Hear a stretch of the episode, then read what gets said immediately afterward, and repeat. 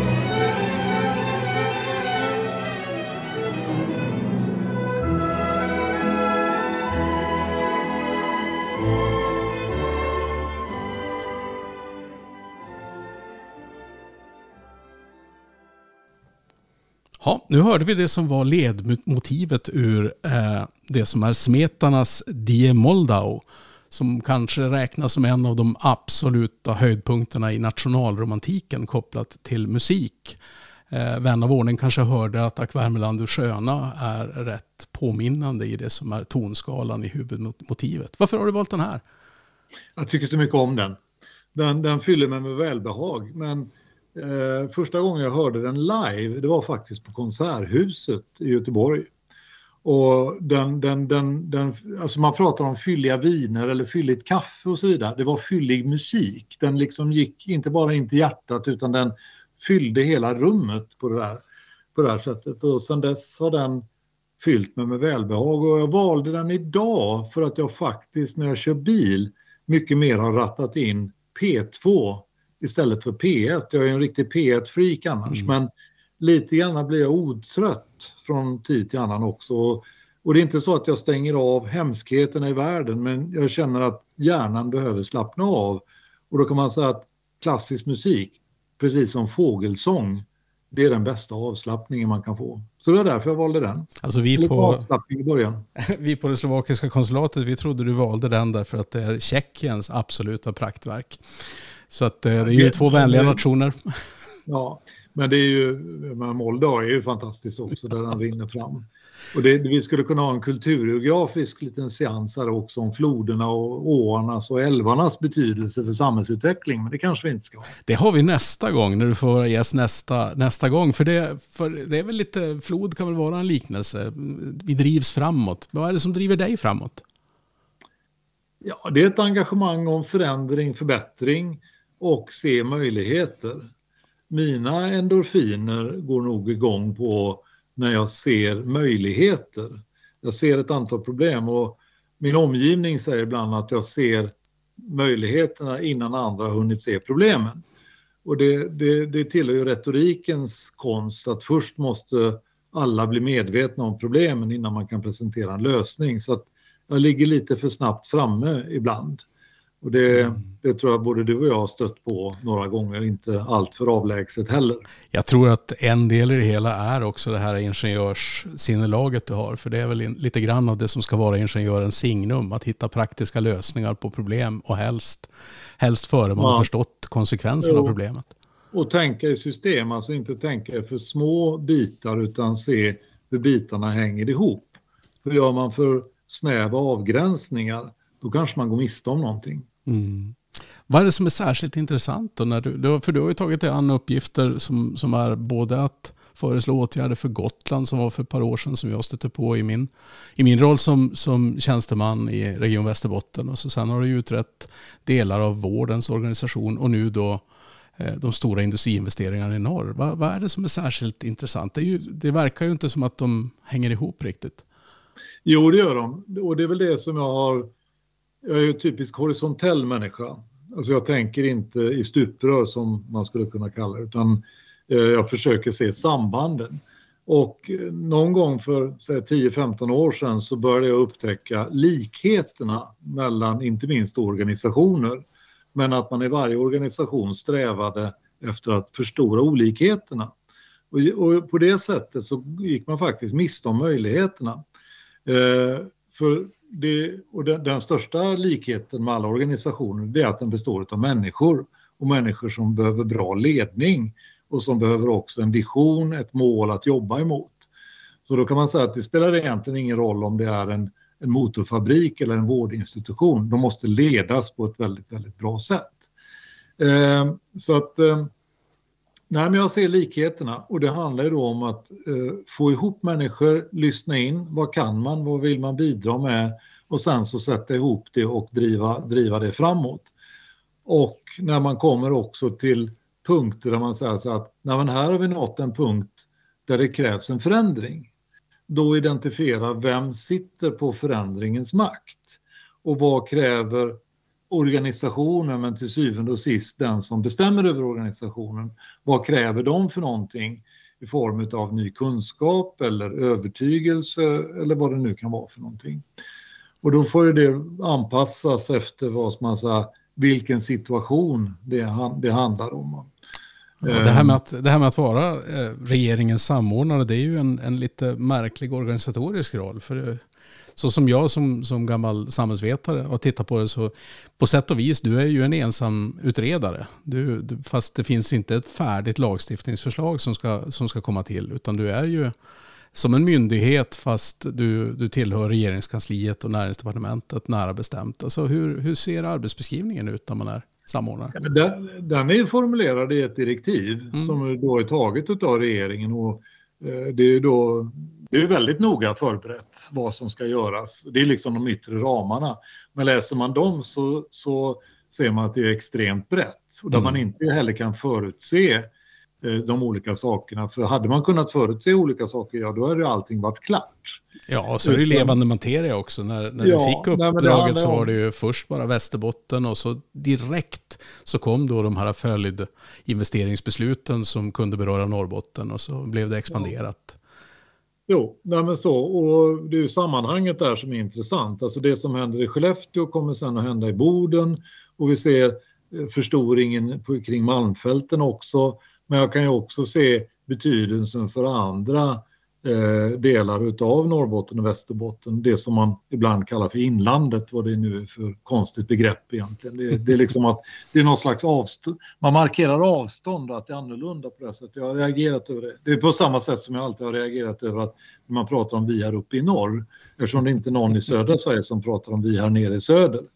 Så de där relativiseringarna, jag försöker ofta motverka dem och liksom stoppa upp för mycket av förändringsmakten, den sitter ofta i det egna huvudet. Mm. Och vad man har för föreställningar och vilka bilder man har om vad som är möjligt eller inte möjligt. När jag, när jag, var, när jag jobbade som, som chef på Handelskammaren då, då fick jag företräda den tyska handelskammaren också. Och, eh, eh stora kontoret i Stockholm för Tysk-Svenska handelskammaren så var den dåvarande vdn Klaus Bohler. Han hade på tyskt vis hängmappssystem i, i sin bokhylla. Och så tittade jag lite grann förstrött. Han sa ja, du kan titta. Så tittade jag och så fanns det en stor mapp där det stod norra Sverige. Och så bakom den så fanns det en mindre mapp där det stod övriga Sverige. Och det där tyckte jag var lite, lite intressant. Men han kom ju från bilindustrin och biltestarindustrin. Så det var ju som hans ja, ja. bakgrund. Ja, men. Du har, du har skrivit om, om eh, en, en favoritbok som eh, du och din son kan relatera till. Som jag tänker på när du berättar om det här med hur man ställer saker mot varann. Bråkmonstren, vad tänker du på då? Jo, den är fantastisk. Vi, vi, eh, min, min son han är 38 år idag, men vi kan fortfarande säga eh, de där eh, små replikerna. Det var två monster som satt på varsin sida av berget. Men de hade en liten, ett rör emellan så de kunde gapa åt varandra. Och så säger det ena monstret till den andra så att Oj, det är dagen som drar förbi. Men då gapar den andra tillbaka och säger nej, det är natten som anländer. Eh, och det är två saker av samma mynt. Och så, så fortsatte de att gapa, de slängde stenar på varandra och ju mer stenar de slängde desto mer av berget försvann. Och när berget var borta så tittade de på varandra och så sa de, du hade ju rätt. Nej, det var du som hade rätt. Och det var, vad ska man säga, är det natten som anländer eller är det dagen som drar bort? Det är olika sätt att se på samma sak. Och det är återigen med semantiken, alltså ordets makt över tanken är så viktigt. Och det är kanske det som fascinerar mig i den här typen av till synes svåra eller nästan till omöjliga uppdrag som en del skulle säga. Nämligen att vända upp och ner på Sverige. Mm. Och du ställde frågan förut, vad är det som driver och så vidare. Jag, jag, jag ger mig inte kast med vad som helst. Det måste finnas hjärta i det. Och ett stort hjärta, det är att, jag kallar det för hela Sverige ska leva. Mm. Jag tycker det. det. vi, har, vi har behandlat Sverige fel under väldigt, väldigt lång tid. Jag tänker inte sälla mig till dem som, vad man säger, arga kritiker eller annat sånt där. Men jag vill förstå vad, vad var det för mekanismer som låg bakom eh, vad man säger, att Sverige ser ut som det gör idag. Och finns det möjligheter att motverka det?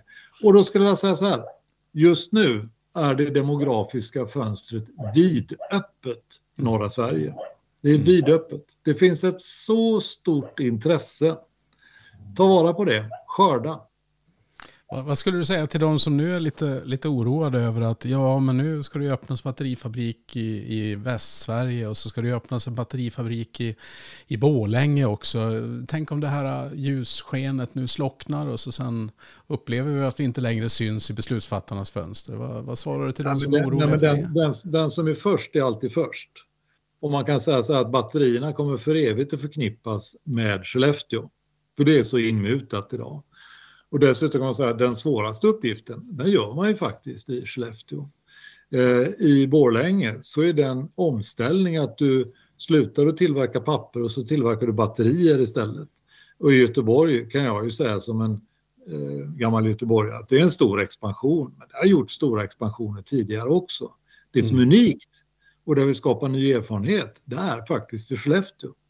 Och jag skulle vilja expandera den beskrivningen och den, den den blev så tydlig nu när pandemin gjorde en paus förra gången jag äntligen fick komma till Skellefteå, sätta mig i Sara kulturhus och inse att det var faktiskt Northvolt batterifabrik som föddes ut ur Sara kulturhus. Mm.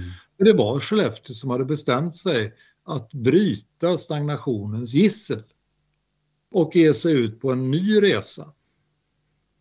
Och det är därför, vad man säga, det är lite pionjär tid där. Och nu tänker jag inte på något sätt eh, rangordna, men eh, jag säger det industriella glastaket, det bröts utav Northvolt och det bröts utav Skellefteå. Just det. Och det hänger Så, ihop alltså som du ser det med, med det som då ska följa till i, i Norrbotten också. Alltså inte bara i ägarstruktur utan, utan även i Nej, nu råkar det delvis vara samma ägare som mm. helt plötsligt också luftlandsätter ett nytt stålverk. Och jag tycker, och det, jag, jag räds inte liksom att säga det offentligt, men jag pratade med Karl-Erik Lagerkrans som ju liksom är ordförande och som är primus motor och drivkraft. Så sa att ja, men, här kommer ni ska göra allting så fort och det, ni, ni förutsätter att allting finns på plats och så vidare. Ja men sen klimatförändringarna, det är bråttom och vi vill hjälpa till. Och det är vackert. Och då kan man säga, då är ju företagen också idédrivna på det sättet att man så tydligt vill göra samhällsnytta. Mm. Och där skiljer man sig från, vad ska man säga, från andra som, som ställer om. För de, har, de är tvingade att göra det. Medan de här gjorde det för att vad man säga, bryta ny mark och då har man ju fått efterföljare med sig. Va? Jag skulle ändå också vilja eh, verkligen lyfta fram en person och det är Martin Pei på SSAB, teknisk direktör, som är då klassisk ingenjör som sätter ihop lite olika komponenter och säger så att ja, antingen kan man använda, använda kol som vi har gjort i tusen år för att ta bort syret ur, järn, eh, ur järnoxiden i malmen. Eller så kan vi använda väte, för det har samma funktion. Och det är kanske dags nu att övergå till det. Och vad finns det för tekniska applikationer som vi skulle kunna sätta ihop till en industriell verksamhet. Och det var ju så som Hybrid föddes. Sen knyckte ju H2 GS. De knyckte ju den idén. För de var ju liksom businessmän på det sättet. Då. Och det gör man ju. Alltså hela företagsvärlden, det handlar ju om att stjäla saker från varandra. Allt från kullager till annat och sådär. Det är väl, det är väl som, det är väl som ordspråket säger där om att, att eh, eh, konstnärer lånar och genier stjäl. Ja, Jo visst, absolut. Det, och, det, och man ska säga det med glimten i ögat. Men, men om vi också fortsätter så har vi hela Malmfälten som jag tycker är så fantastiskt. Och inte minst nu att jag ser hur Gällivare och Kiruna har insett, vi jobbar ju med samma sak. Vi råkar vara två olika kommuner. Men om vi jobbar mycket tätare tillsammans så kanske vi får en bättre bostadsmarknad, en bättre arbetsmarknad och en bättre utbildningsmarknad. Och jag menar de gymnasister som jag har träffat där, som man pratar med dem, var, var befinner ni er om tio år? Kommer ni kunna pendla mellan Gällivare och Kiruna eller, eller till Luleå? Ja, ja men visst. Och det, det, det är de här, vad ska man säga, det, där, där går jag igång, att se det samhällsbygget. På samma sätt som staden Luleå som jag tog min första öl i 1973. En eh, junidag när solen nästan vägrade att gå ner. Och det var ju lite, det var en härlig upplevelse för för en ung person att uppleva det här ljusa dygnet. Mm. Då, var, då var Luleå en helt annan stad. Mm. Idag den är ju transformerad. Mm. Det är annorlunda. Det är klart, då, sett- då var visionen Stålverk 80 förstås. Som ju då Absolut, var en, det var en bit före det.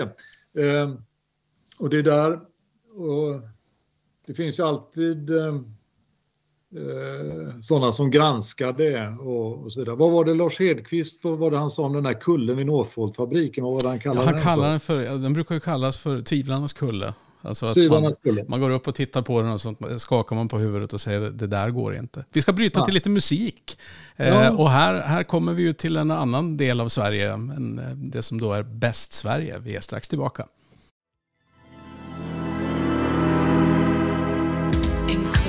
queres um stamp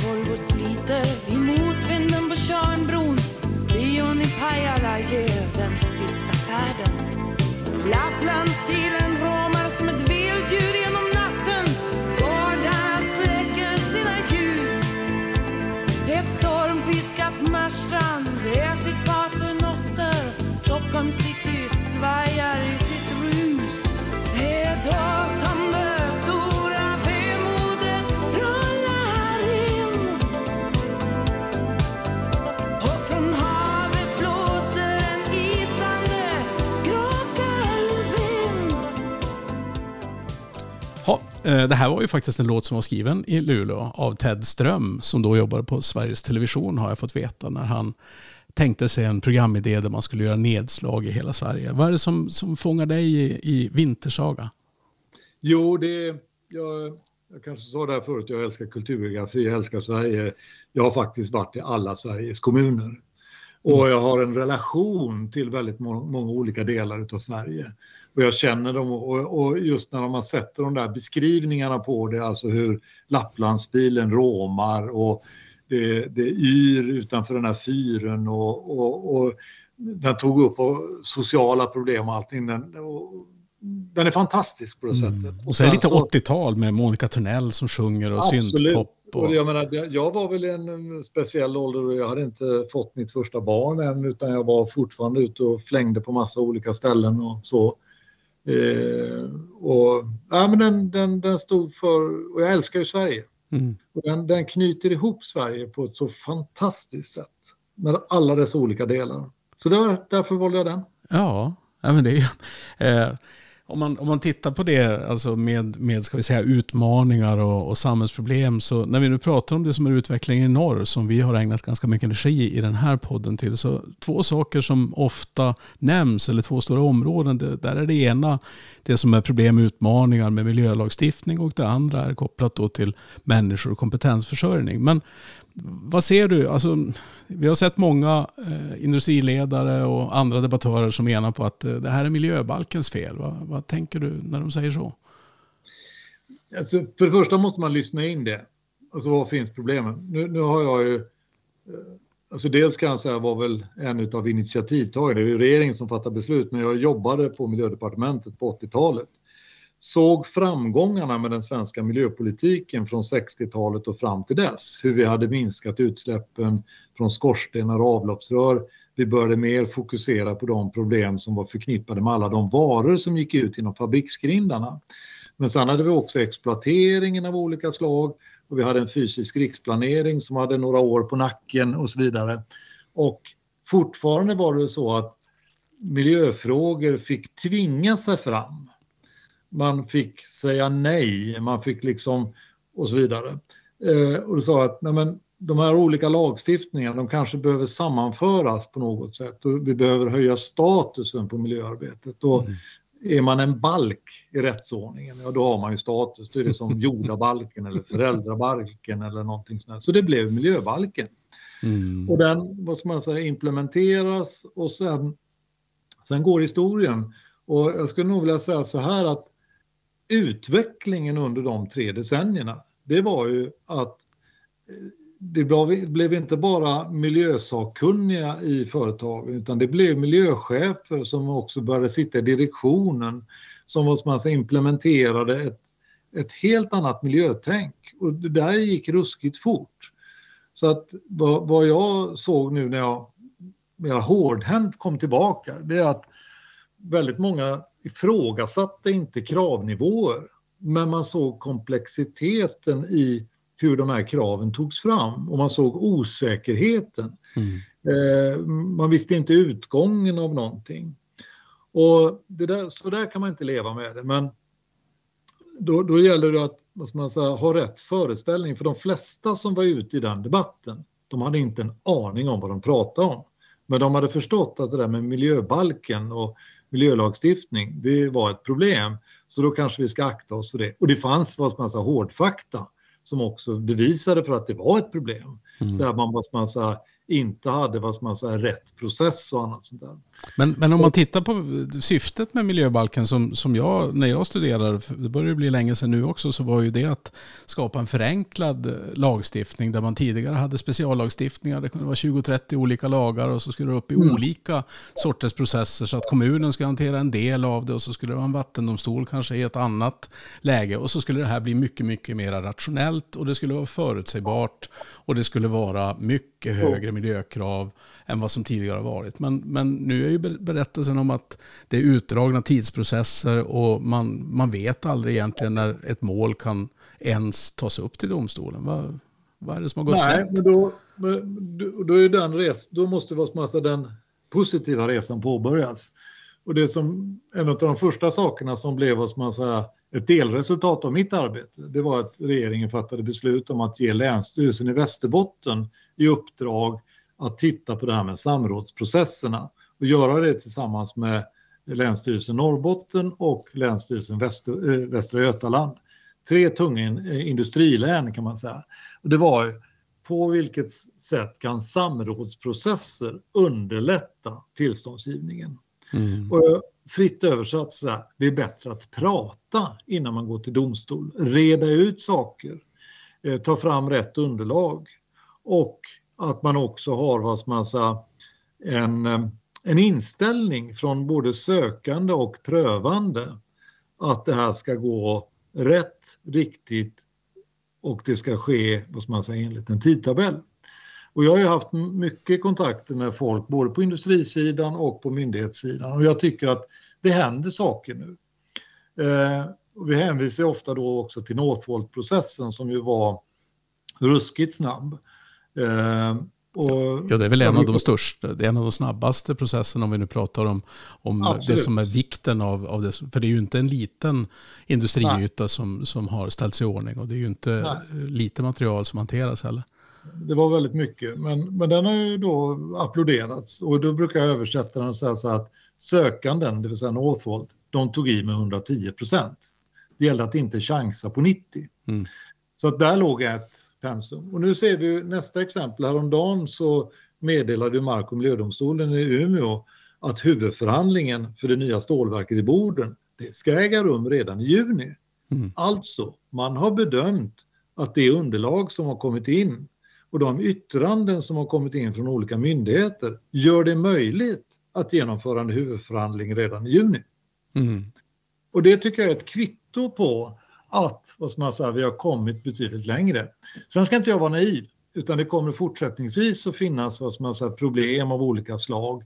Och man kommer hitta, en del kommer försöka hitta smitvägar och annat sånt där. Men jag, jag kan ändå konstatera att med 30 års mellanrum, när jag såg bilden då på 80-talet och tidiga 90-talet och nu, så har det hänt väldigt mycket.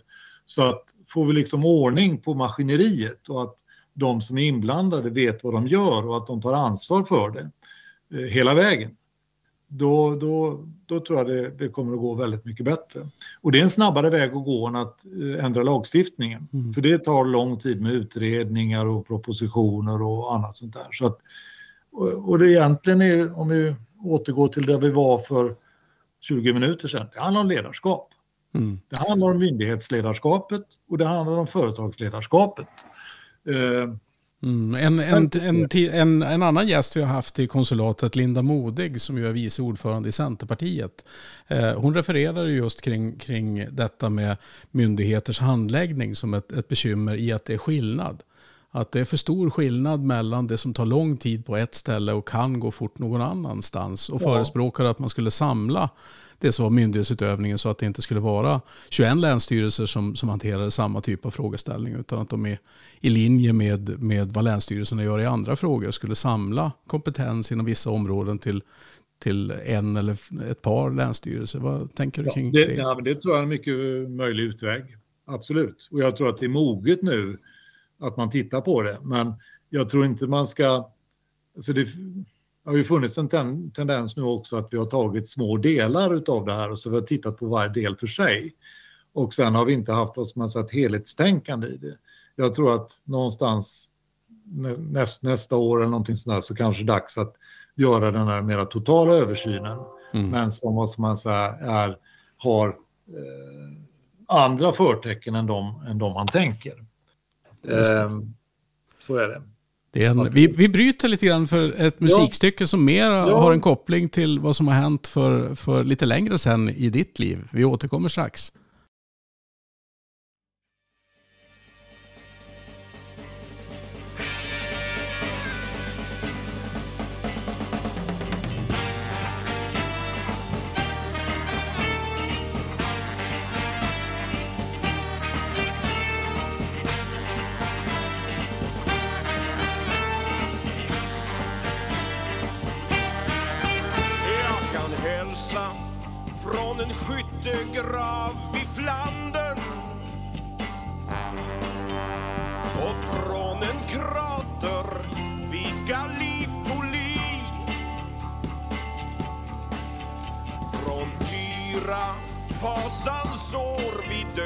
Mannen.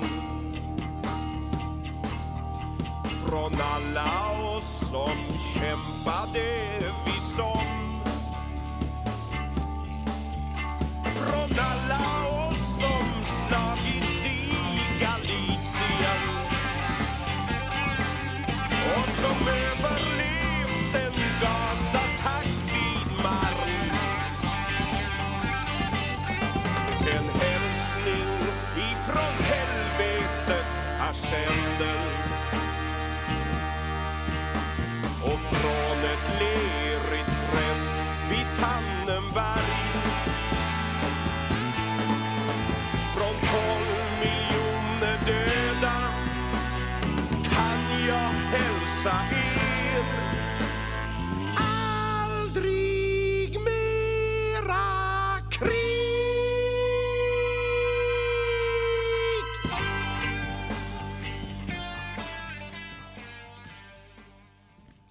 Ja, vi hörde Tältprojektet, en liveinspelning med Totta Näslund på sång Aldrig mera krig. Det är ju aktuellt förstås nu när vi, när vi är i den oerhörda tragiken som finns i de övergrepp som sker i Ukraina. Men, men det här är en låt som du har en, en väldigt speciell relation till har jag förstått. Jo, jag satt i tält, inne i tältet. Och du satt inne i tältet? Ja, jag satt inne i tältet eh, på Heden i Göteborg eller var det var någonstans nu. Eh, jag hade mitt första kontor för övrigt alldeles intill Nationalteatern där de hade sin hemmascen mitt i Göteborg. Så det är klart att är det någonting som har betytt mycket för Sverige och svensk musik och inte bara proggrörelsen utan väldigt mycket annat också, det är, det är ju Nationalteatern. Det är tältprojektet, det fanns en idé. Eh, och jag, jag, valde den av ett annat skäl också. Eh, och det, eh, jag tror att det är på fredag, det vill säga imorgon, som faktiskt Nationalteatern är i Skellefteå. Just det. Och, och vad jag kommer ihåg, den turnén man gjorde då på 70-talet var man i Luleå. Alltså man åkte ju runt i Sverige och man hade ju en idé i vad ska man säga, utsattheten och man betraktade inte minst det ungdomsperspektiv som man hade, att ingen får betraktas som förlorad. Det fanns naturligtvis en systemkritik, en samhällskritik, men framför allt hade man ett ungdomsperspektiv att ingen, ingen får lämnas därhän.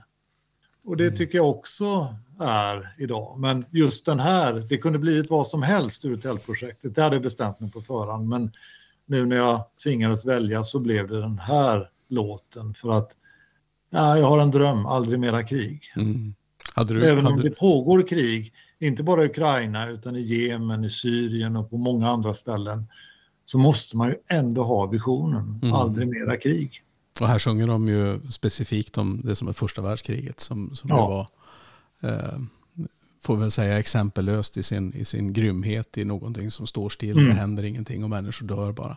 Eh, samtidigt som, som eh, jag menar, den svenska musikrörelsen fanns ju i, i hela Sverige under den tiden, även fast jag var lite för liten för att förstå den. Och i, i Norrbotten så då, då fanns ju då Anton Svedbergs svänggäng som hade lite grann av en likartad med mix av det som var, det som var teater och, och musik. Och, eh, och det är klart, en av de absolut bästa låtar som jag vet ifrån, ifrån den delen, det är ju Rekyl, ett Luleåband som har gjort en låt som, som heter det, det finns ingen förlorad generation.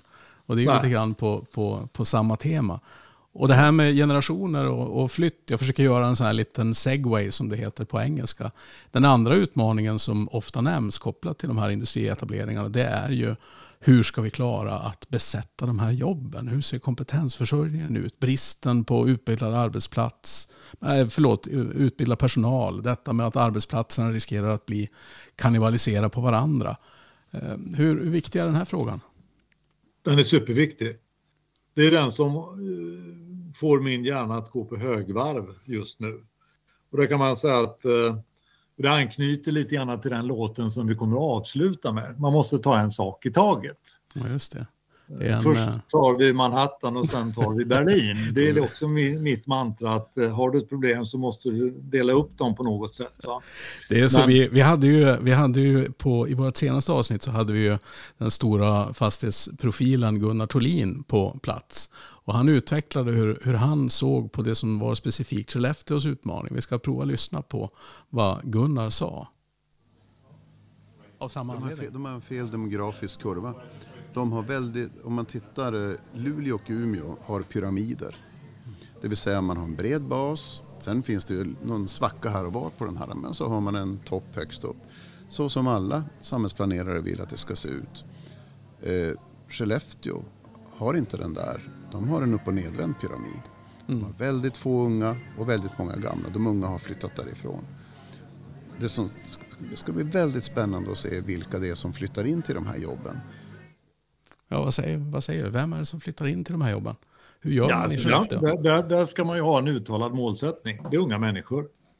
Och det, eh, bara under den korta tid jag har varit eh, vad man säga, delaktig i omvandlingen så måste jag säga att bilden av Skellefteå, den är helt annorlunda. För det är när, när du säger ett namn eller ett ortsnamn eller någonting sånt där så ser man hur folk reagerar. Och idag reagerar man på ett helt annat sätt. För man, man förknippar det inte bara då med Northvolt utan det är också uppstickaren med kulturen och massa sådana andra saker. Och det där tror jag, den, den dragningskraften, den kommer att öka. Problemet är att den måste öka snabbare än de här naturliga processerna. Det måste kickstartas på något sätt och det är det som jag grubblar mycket över nu och tillsammans med väldigt många andra. Och det är att här erbjuds en massa jobb samtidigt som människor är arbetslösa i Sverige. Och då säger vi att ja, men, eh, de här som har stått utanför arbetsmarknaden, eh, de, ja, och så vidare. Ja, man rynkar på, på näsan. Men vänta lite nu. Det är människor som, för det första är människor och som har någon typ av kompetens. Men de behöver kanske en längre tid för att komma tillbaka till arbetsmarknaden. Och ofta handlar det om människor som har kommit utomlands ifrån, Mm. eh, som har en bakgrund och där vi inte frågade dem när de kom, vad kan du? utan man kom till en passiv tillvaro och då tappade man anknytning, eller man fick inte anknytningen till den svenska arbetsmarknaden som man borde fått. Men det är klart att man bar med sig massor med erfarenheter och man kanske var professionell urmakare eller handsömnare eller ingenjör eller fabriksarbetare eller vad som helst. Men vi har levt under en tid i Sverige och det här tycker jag är väldigt allvarligt. Där vi inte har ställt frågan till människor, vad kan du? Utan vi har fokuserat på vad man inte kan. Och en mm. sak som alla som kommer till Sverige första gången inte kan, det är svenska språket. Mm.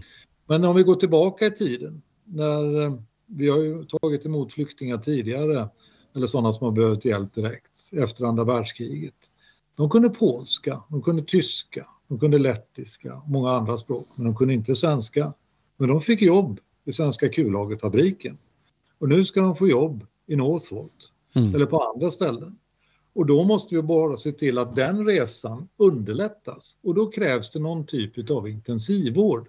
Och det där har vi varit oförmögna att jobba med idag. Sen tror jag också att föryngringen kommer att komma eh, av personer som kanske kommer direkt till Sverige. Vi pratar om arbetskraftsinvandring. Och då måste jag säga tyvärr rakt ut att det finns en negativism idag mot arbetskraftsinvandring. Och det, det finns skäl för att man ska vara försiktig för eh, många har utnyttjats. Men det finns en negativism som, eh, som ligger och gror på det här sättet. Mm.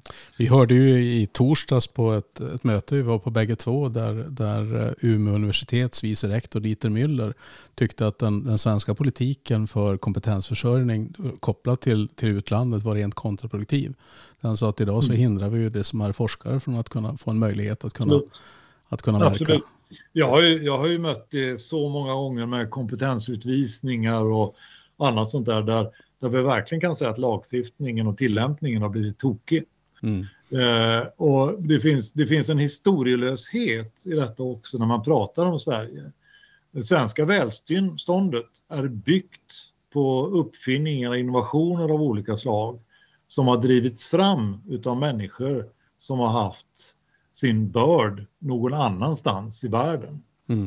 Eh, jag är uppvuxen i en stad med holländare som byggde kanalerna och andra som byggde handeln, sjukvården och många andra sådana saker. Jag kan stapla de här olika namnen på varandra. Så att det finns en historielöshet i, i, i detta. Ja, men också det här gamla argumentet de tar våra jobb är ju kanske inte riktigt aktuellt någonstans i Sverige i praktiken inte, och absolut inte här. Med, ta, med tanke på att det finns jobb i överskott på mm. det här sättet. Men, det är en, men, men om, du, om, du nu, om det här nu går vägen, för det är klart att det ska man ju veta. Man behöver inte bygga. Det finns alltid kullar dit tvivlar går upp för att kunna betrakta och säga att det, det går inte. Och på tornedalsfinska så brukar man säga ej se kannat, som betyder som det löns inte, du behöver inte. Varför ska du anstränga dig? Men om det här nu går vägen på det sätt som, som vi har börjat kunna se tecken på i, i det som är investeringar i Skellefteå, vad, vad kommer vi att gå för framtid till mötes i norra Sverige? Hur kommer förändringen att ses och hur fort kommer den? Ja, alltså det mest ljusa scenariot tycker jag är att de här stor, riktigt stora investeringarna, de drar med sig dels människor men också ett ökat intresse. Eh, man omvärderar i södra Sverige vad norra Sverige faktiskt står för. För det finns en, eh, en fördomsfullhet och det finns en negativism, inte minst från banker och andra sida och jag har ju sett bara på min korta tid hur investerare har förändrat synen på norra Sverige. Så det kommer bli mycket, mycket annat än bara stål, gruvor och metaller och batterier. Mm. Det kommer betydligt fler näringsverksamheter. Eh, det kommer mycket mer av kultur. Eh, det kommer en massa andra saker som, som vi idag inte kan förutse. Men vi, vi, vi förstår att sånt som är på uppgång det, det drar med sig, alltså framgång föder framgång. Man vill vara med där det händer saker och utveckla det. Och då tror jag att om vi isolerar till de här eh, platserna som vi nu pratar om, Skellefteåregionen som kommer bli en väldigt, väldigt intressant del av Sverige mellan Luleå och Umeå. Så man kommer, man kommer vara, man vara en viktig spelare längs kusten. Och sen så har vi den intressanta med Luleå-Boden som växer ihop som vi inte idag kan förutse hur det kommer att gestalta sig framöver. Men det handlar om bostadsbebyggelse, det handlar om kommunikationer och sådana saker. Och sen har vi Malmfälten som jag tycker är särdeles intressant som är verkligen liksom långt borta ur många avseenden. Men när man liksom sätter ner fötterna i Gällivare, Kiruna eller i Jokkmokk eller någon annanstans så är det hur det hänger ihop. Och där tror jag nu att nu ska vi vara försiktiga med, med, med vissa saker men eh, gruvverksamheten är ju intressant. Eh, kan vi ha extremt miljöanpassade gruvor i framtiden som verkligen minimerar påverkan på omgivningen, ja då har vi många olika saker som är intressanta för lång tid framöver. Och sen har vi rymden och sen har vi andra typer av applikationer. Så att flyttar man sig 10-15 år fram i tiden så tror jag att det kommer att vara väldigt stor livskraft.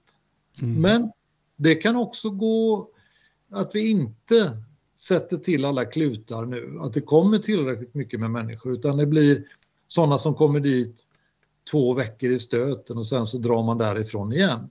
Så ett överordnat mål, tycker jag, oavsett om man bygger kraftledningar, järnväg, nya industribyggnader, bostäder eller jobbar vid de olika verksamheterna, det är att man faktiskt också ska bo där. Man ska vara en medborgare kring platsen eller regionen man faktiskt bor och verkar. Mm. Och så ska man ta en sak i taget. Den sista låtvalet du har gjort, vad, vad är det vi kommer att lyssna på? Ja, det är Leonard Cohen som med sin underbara röst sätter just det här att först ska vi ta Manhattan och sen ska vi ta Berlin. Är det i din, eh, i din version då? Först så tar vi Skellefteå och sen tar vi Boden? Ja, så kan man också se det. Men eh, en sak i taget. Först tar vi elen och sen tar vi människorna. Det låter jättebra. Tack för att du kom som gäst hos konsulatet, Peter Larsson. Tack ska du ha.